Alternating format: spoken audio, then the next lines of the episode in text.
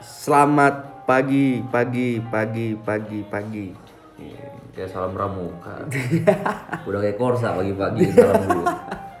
Korsa mah nama ban goblok. Hah? Korsa nama ban goblok. Kalau satuan bilangnya apa? Hah? Kalau satuan Korsa gitu. Iya kan, gimana sih lu gak masuk jokes gue ya?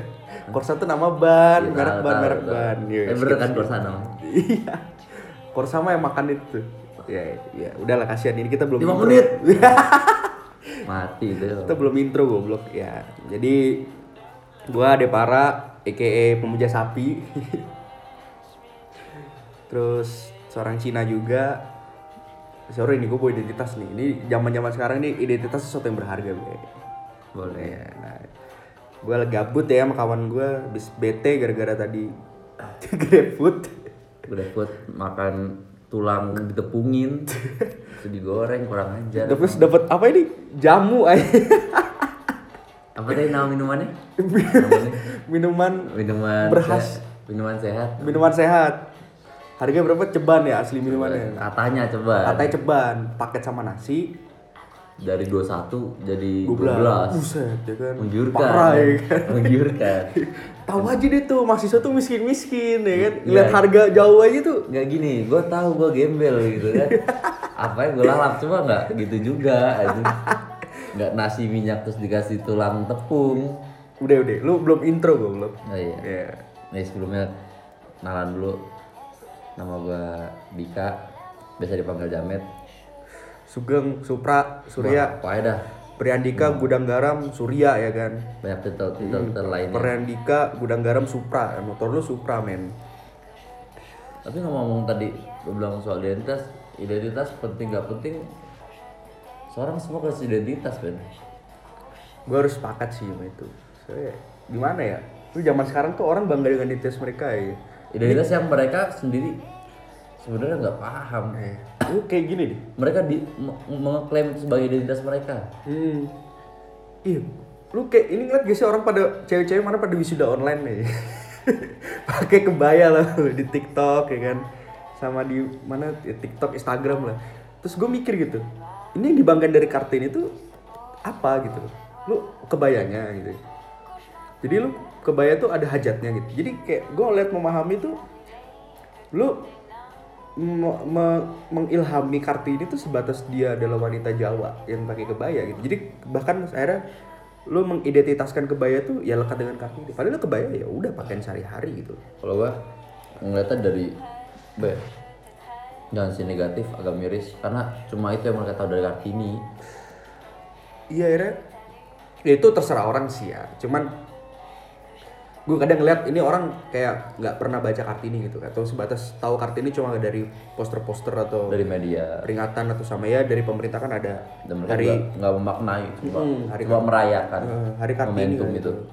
hari Kartini. Makanya gue kayak ngerasa lucu aja gitu. Ya Kartini tuh ya kita harus bangga. Itu bisa dibilang feminis ya meskipun di kalau perspektif barat itu feminis apa ya? Gue bodo amat gitu.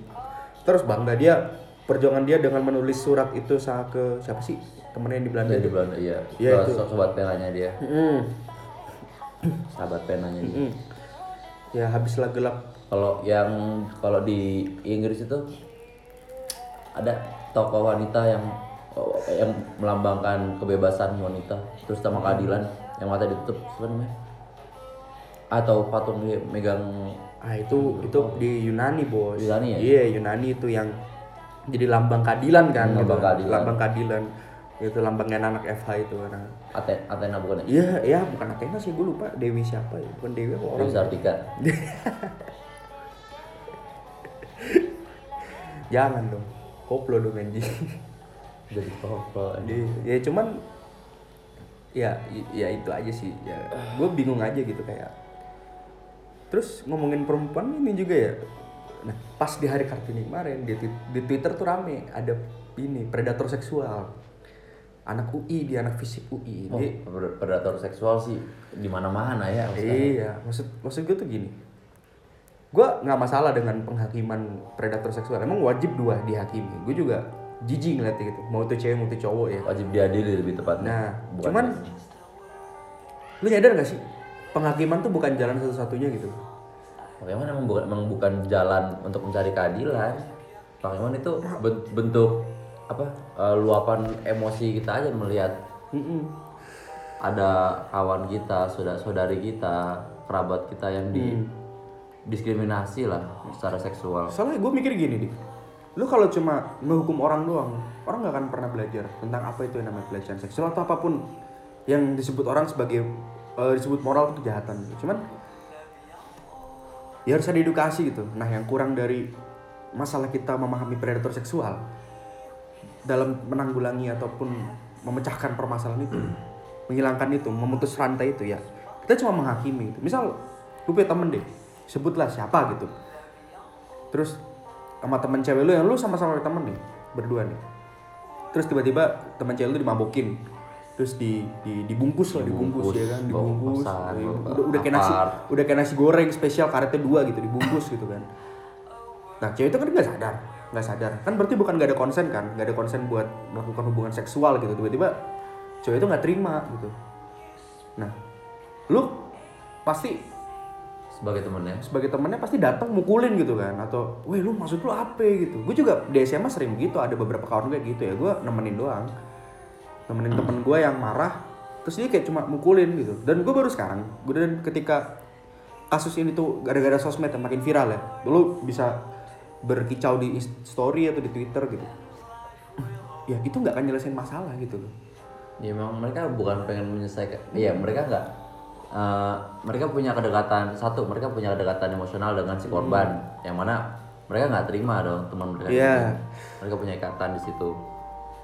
Dan yang apa? Yang lu bilang mereka cuma menghujat, menghakimi, itu mereka kalau gue lihat itu mereka yang jauh dari si korban itu sendiri. Jadi mereka eh, nggak yang bisa melakukan apa? membantu si korban untuk mencari keadilan, melaporkan dan lain sebagainya itu ya orang-orang terdekatnya. Mereka yang tahu kasusnya, misalkan kasus ini dipublish, diviralkan, ya mereka paling sering kita lihat sih menghujat lewat tweet-tweet, lewat opini mereka di sosial media. Ya itu tapi, Tapi itu bentuk empati sebenarnya. Iya, iya, iya. Gue gue paham. Cuman orang kalau udah keburu emosi tuh rif, karena nggak bisa bikin logis gitu. Eh, ya balas dendam lah istilahnya. Nah, kalau gue lihat pelecehan seksual kan bisa terjadi sama siapa aja gitu. Namanya orang kalau nggak nggak sadar nggak sadar dengan kondisi bahwasanya hubungan seksual itu harus dengan konsen, ya itu bisa terjadi kapan aja. Gitu. Dan banyak juga yang Bisa juga lu, bisa juga gue kalau nggak sadar diri gitu kan. dan Masalahnya. banyak juga yang mereka eh, secara kondisi psikologis si korban ini nggak sadar kalau dia sedang dilecehkan kayak ini gue diapain sih kayak dipegang-pegang ya apa taci-taci itu orang kayak gitu mereka nggak sadar ya mereka mereka mungkin ya gue bukannya victim blaming ya cuman ya lu harus sadar bahwa saya lu punya kedaulatan diri gitu cuman tapi gue pernah gue pernah baca sih teman gue pernah dilecehin ya ketika lu dilecehin tuh kadang nggak sadar men. Bener-bener ya lu sadar dilecehin cuman badan lu tuh diem gitu loh. Iya. Diem dan itu emang itu efek dari ketakutan. Ya shock gak sih? Shock, Ya, shock. gitulah modelnya. Gue juga nggak paham secara neuro neuro neuro Neurologis. neurologis. Neurologisnya gimana ya?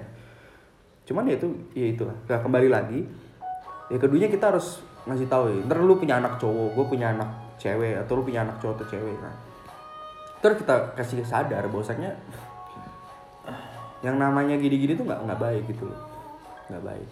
Ah kalau cuma baik nggak baik itu kan bisa bias. Dan eh, soal ple- pelecehan ketika eh, paling sering konteksnya di sini seorang wanita dilecehkan oleh kenalan atau temannya. Kan balik lagi eh, ada beberapa kasus misalkan bisa aja si wanita ini punya ketertarikan sama yang apa melakukan pelecehan terhadap dia. Iya. jadi itu nggak bisa disebut sebagai pelecehan. Karena dia sendiri memiliki keinginan untuk dekat dengan si pelaku misalkan tertarikan. Jadi dia anggap wah dia punya rasa punya ketertarikan juga nih sama gue jadi oh, mut- mutual relation lah. Bisa jadi kayak gitu. Tapi emang pelecehan seksual paling berbahaya ya. Gue kemarin gue kemarin tuh presentasi di presentasi online kelas gender tentang eh, rape culture atau kultur kultur apa pemerkosaan lah atau Di kultur Tribun. iya bukan gue bawanya kemarin tuh di banyak sih gue dari gue studi kasus yang gue bawa materi yang kan kelompok tuh ya materi yang gue bawa tuh India sama ya di Tribun ada tapi dikit sih Nah, gue baru baca data di situ. Yang itu bener-bener shocking. Pelecehan seksual mayoritas terjadi di orang-orang terdekat. Oleh orang-orang terdekat Oleh orang-orang terdekat. Istri lu, selalu punya istri atau gue cek misalkan lu lu cewek, lu punya suami atau lu punya istri, istri lu ini apa nymphomaniac gitu dia uh, hypersex dan sebagainya dan ketika lu nggak malah lagi pengen lu dipaksa dan sebagainya. itu kan juga pelecehan dan itu bisa berujung pada KDRT udah kekerasan yang kekerasan kan nggak cuma seksual berarti ada psikologis juga ada kekerasan Fisik. fisik, juga iya yang ada yang harusnya lu orang-orang percaya orang-orang sekitar lu gitu.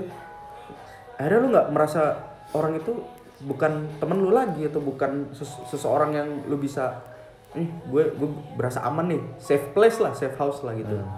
Itu yang berbahaya gitu. Makanya dibanding orang asing lebih sak makanya kenapa trauma pelecehan seksual itu lebih sakit. Karena Lebih besar kemungkinan dirasakan oleh korban itu ketika pelakunya merupakan orang terdekatnya. Ya pacarnya misal ya pacaran hubungannya kan nggak kayak nikah gitu kan nggak pacar teman sahabat. Yang padahal si wanita ini atau si korban ini nggak memiliki concern ke arah situ. Makanya tadi gue bilang. Karena dia udah kayak ya udah gue bisa percaya dia gitu. Nggak nggak semua yang kita anggap bentuk pelecehan seksual kayak mega-mega kissing segala macam itu disebut sebagai pelecehan. Tergantung concern dari si korban dan si pelaku. Iya ya kembali lagi sih makanya lo harus ngerti. Konteks konteks situasi saat itu. Itu tergantung lagi sih emang ada cewek yang atau cowok yang suka dipegang-pegang gitu? Yang dan mereka oke lah gue welcome dengan itu. Cuman ada yang enggak juga dan menurut gue sih orang nggak akan nunjukin itu dengan secara vulgar gitu. Gue gue suka nih dipegang-pegang. Iya itu impresif iya ya lu harus kenal dulu sama orang itu udah kenal lama baru oh gue ngerti karakter orangnya gimana gue ngerti ya, itulah dan ada semacam kesepakatan tidak langsung di situ Mm-mm. Nah ya itu kayak gue agak shock juga gitu. Wah ini kalau gue punya anak cewek atau gimana perlu gue kadang kasih ingetin gitu. Kalau lu Iya perlu dikasih pemahaman sejak dini emang. Iya. Bentuk-bentuk- yang merupakan bentuk-bentuk pelecehan seksual tuh kayak gimana sih? Iya. Ketika kamu udah kayak gini udah digini digini giniin nah itu bentuk pelecehan. Karena modusnya banyak banget di gitu loh. Dan modus-modus ini kan itu kadang dia bisa apa ya? Bisa bersembunyi di balik kepercayaan itu gitu loh. Misal kayak nginep bareng atau kalau lo kan anak gunung nih kayak oh satu tenda apa gimana tiba-tiba kalau gue sih nggak nggak pernah ngalamin dan belum pernah ngelihat fenomena itu langsung ya. Hmm, mungkin kalau baca tweet-tweet di sosial media ada satu dua gitu. Ya itulah. Saya itu nah balik balik lagi ke konteks penghakiman itu sendiri. Penghakiman atas pelecehan kan tadi. Hmm, jadi eh, jalan yang tepat sebenarnya kayak gimana? Ini penghakiman ya? Penghakiman itu kalau menurut gua agak susah sih karena ya harus ada efek jerah dan di negara kita yang nggak bisa mengatur pelecehan seksual itu dalam kondisi efek apa jerah itu itu susah di jujur aja gue akuin. Makanya masyarakat tuh bertindak sendiri dengan orang-orang tuh bertindak sendiri dengan kayak cara yang mereka paling bisa apa ya? bikin itu viral di sosial media bikin malu lu tau si Renard Sinaga nggak kemarin itu? Iya, yang di dia seorang gay itu yang melecehkan banyak banget. Apa? Hampir 130-an anjir. Predator seksual. Predator seksual. Sama-sama gay dan modusnya tuh lu ketemu di pub nih lagi mabok. Dibius anjing. Terus dibawa ke apa apartemennya dia. Atau dari situs dating orang apa Ah. orang-orang gay ini ada di sebuah platform. Mm-mm. mereka cari korban lewat situ. Dia nyari korban lewat situ Nah, kalau menurut gue yang di urusan penghakiman itu ya kita nggak bisa menuntut pada eh apa cara penghakiman yang bener karena itu tergantung juga bagaimana moralnya. Ya banyak yang menyelesaikan dengan baku hantam misalnya itu bagi di suatu masyarakat itu selesai selesai gitu kan. Cuman kan perlu ada kehadiran negara gitu. Ren Reinhardt itu dihukum 15 tahun penjara kalau nggak salah. Wow, apa 20 tahun penjara maksimumnya di versi Inggris karena dia adalah predator seksual predator lah yang paling parah lah dalam sejarah dalam Inggris. sejarah Inggris Parah dalam aja. sejarah modern malah Sejarah modern aja jadi kayak wow gitu. Dan dia dihukum paling berat. Di Indonesia sejauh ini gue belum lihat nggak ada. Kecuali lu KDRT, lu udah nikah baru udah gitu. Cuman kalau buat yang sesama jenis misal ataupun yang belum nikah misal. tapi itu sebelumnya perlu dilihat dari apa si- situasi sospol dari negara itu sendiri kan kalau misalkan di Inggris perilaku homoseksual atau apa? Orientasi seksual yang tidak apa bilang kalau misalkan lawan antar lawan jenis. Hetero sama homo. Heterogen yang yang tidak heterogen itu kan menjadi hal yang wajar di sana. Kalau di sini mungkin nggak pernah ada karena korban sendiri malu untuk mengakui bahwa dirinya itu homo dan dia menjadi korban dari pelecehan seksual sesama jenis Nah itu sih itu makanya gue tetap berpegang sama sekarang. Gue berusaha nggak victim blaming kalau ada kawan gue yang digituin gitu. Misal gue punya eh, teman cewek nih terus dia digituin gara-gara dia main eh, dating app Tinder atau eh, Okcupid atau apa gitu. Ya gue berusaha nandiri ya salah lu sendiri main eh, untuk gue nandiri untuk nggak bilang ya salah salah sendiri lu main Tinder gitu loh. Lu tahu Tinder itu dating app men, lu berapa apa? Gua nggak mau bilang kayak gitu, karena itu nyakitin dia. Gua harus tahu bahwa saya itu trauma men, psikologis gitu. Itu bahaya banget lah kayak. gitu. Jangan sampai deh begitu gitu. Nah, yang ya memang paling bener tuh ya edukasi karena edukasi bisa meminimalisir dan hukuman sih. Hukuman yang balik lagi tadi ke hukuman harus negara men harus hukum yang eh, formal untuk, untuk bisa memberikan efek jerah itu kalau misal lu kayak gini-gini apa melecehkan gitu kayak lu nyulik apa lu misal punya temen cowok dia nyulik anak orang ke ko- kontrakannya di kosan terus di terus viral nih kasusnya nih terus polisi ngungkit Iya. di di pengadilan terbukti pidana dia bersalah gitu kan. Itu bisa dihukum dengan gede kebiri misal atau di penjara di atas apa setara dengan kasus pembunuhan 15 tahun ke atas gitu. 15 tahun penjara ke atas gitu bagi gua orang akan akan mikir-mikir lagi gitu. Masalah sekarang oke mungkin undang-undangnya ada cuman prosedur bagaimana membuktikan itu bersalah? Kayak lu pernah denger gak sih undang-undang pemerkosaan itu? Eh butuh saksi empat orang kan? Itu kayak di Arab gitu katanya. Iya. Makanya kan RUPKS tuh kemarin bunung-bunung di eh, sahkan kan? Iya untuk disahkan oleh banyak pihak. Meskipun yang kontra lucu sih. Yang kontra meleg apa me- memudahkan kalau RUU itu disahkan memudahkan adanya seks bebas Kumpul anjing. iya golongan-golongan konservatis Iya. Itu kalau kayak gitu, eh, kalau kayak gitu logikanya lu tutup hotelnya sekalian di Indonesia gitu. Atau hotel jadi syariah aja semua gitu. Masalahnya kan jadi khilafah aja sekalian negara iya. Masalahnya kan ya dunia ini berkembang gitu dan beda lah antara generasi tua bukan gue menyebutnya nggak kolot ya konservatif ya yang masih megang budaya-budaya lama gitu. Dengan sekarang yang dunia semakin global lu anak HI lu paham lah. Gue juga anak antro anak budaya gue paham. Ya pasti orang kan bersikap beda antara yang muda dengan yang tua. Yang muda merasa dunia semakin mengglobal berhubungan dengan orang lain makin gampang kayak gitu-gitu nilai-nilai liberal atau nilai-nilai kayak apa eh, free sex dan sebagainya itu semakin masuk ke Indonesia ya it's okay gitu ya yang semakin ditekankan kan harus ada konsennya sendiri gitu. Masalahnya juga eh di budaya konservatif itu gue baca-baca juga banyak yang punya cara tersendiri untuk istilahnya menghukum pelecehan seksual gitu. Cuman memang eh apa istilahnya dia nggak separah maksud gue apa ya nggak separah hukuman yang di kayak budaya zaman sekarang yang pakai sosial media dan langsung ke hukum negara. Kalau dulu kan diselesaikan dengan cara adat gitu. Dilihat dulu ini kon apa lu ini orangnya penting gak gitu. Kalau dia orang penting misal eh, anak kepala desa gitu atau anak kami tua gitu anak kepala dusun. Dilecehkan sama pemuda desa ya lah itu. Anak orang itu bukan desa pemu- sama pemuda suatu pemuda desa.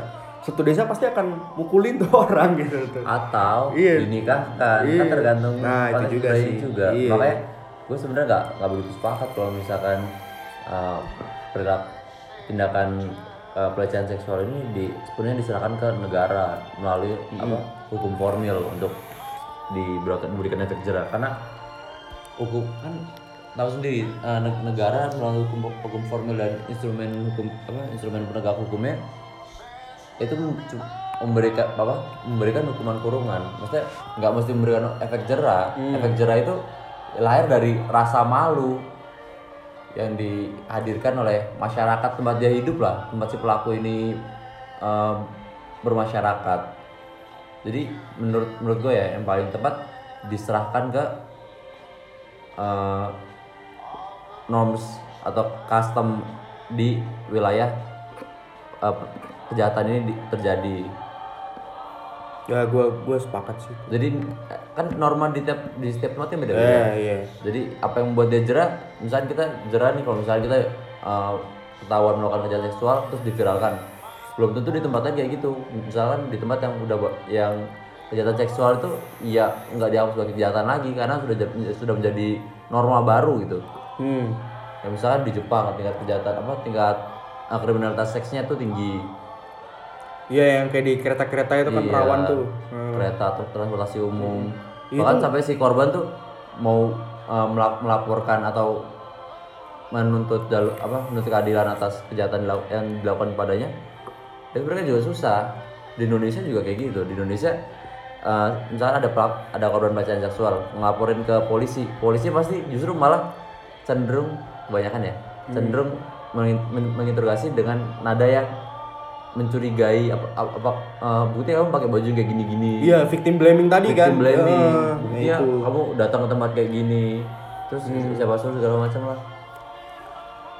Dan yang gue benci lagi ya di soal itu. Ngalahinnya tuh ini kayak wih karena gue mabuk nih karena gue wih karena udah ready gini.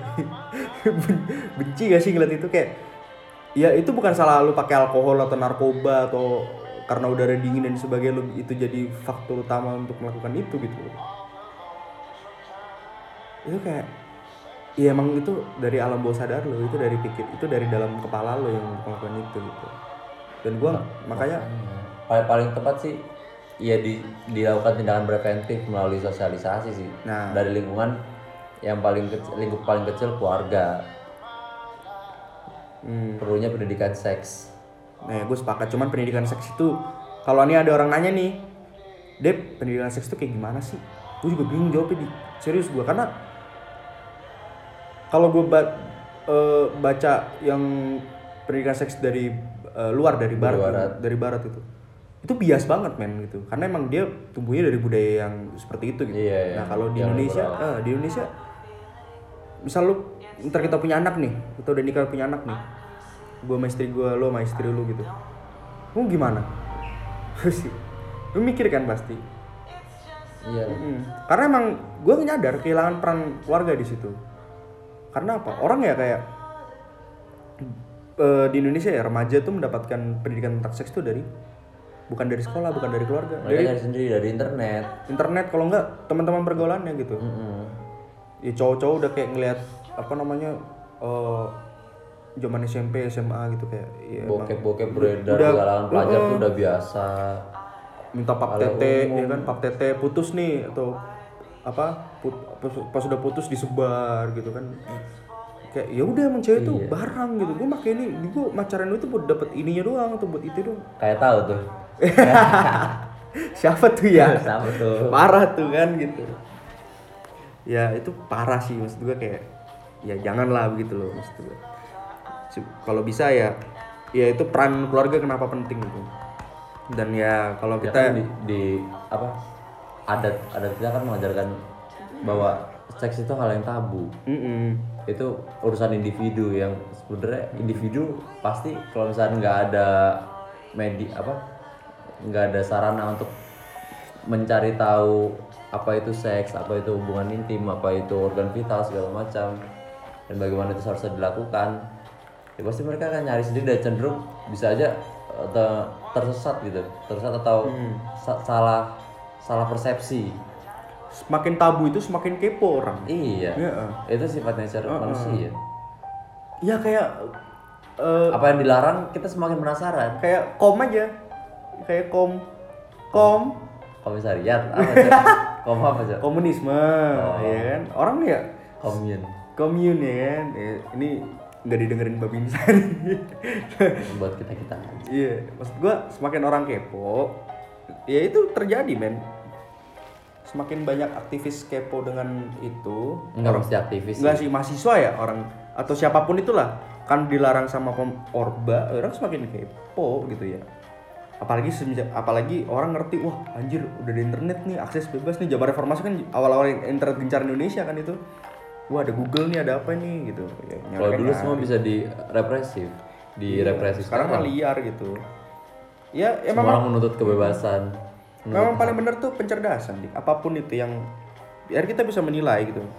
Yang ditabu itu yang kita selama ini bilang tabu itu relev- masih relevan gak tabu? Kalaupun dia memang masih relevan yang baik yang baiknya apa yang buruknya menurut gue sih gitu. Kayak ya seks itu kalau di bagi Indonesia tabu ya it's okay cuman kalau udah kejadian gimana gitu masa Iya. mau direpresif terus gitu kan Kalau udah kejadian terus uh, hukum yang menindak apa? Kalau Hmm. mereka semua nggak tahu kita harus kayak gimana nih karena ini hal yang tabu nggak pernah dipelajari Iya, sebelumnya. Iya, kayak mama, aku sih tidak perawan gitu kan.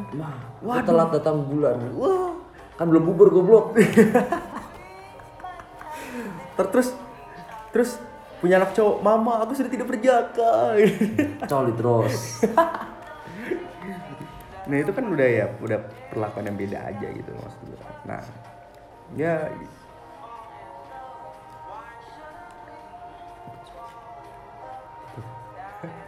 ya itu aja sih dik ya sekian dari kita sorry nih kita gabut belum tidur Sengaja sih. sarapan kesel ya kan Iya. parah ya udah mungkin teman-teman udah udah capek dengerin kita kan gitu Nggak bakal didengar juga ini kan. Hmm, ya Sama dengan bocah gabut dulu.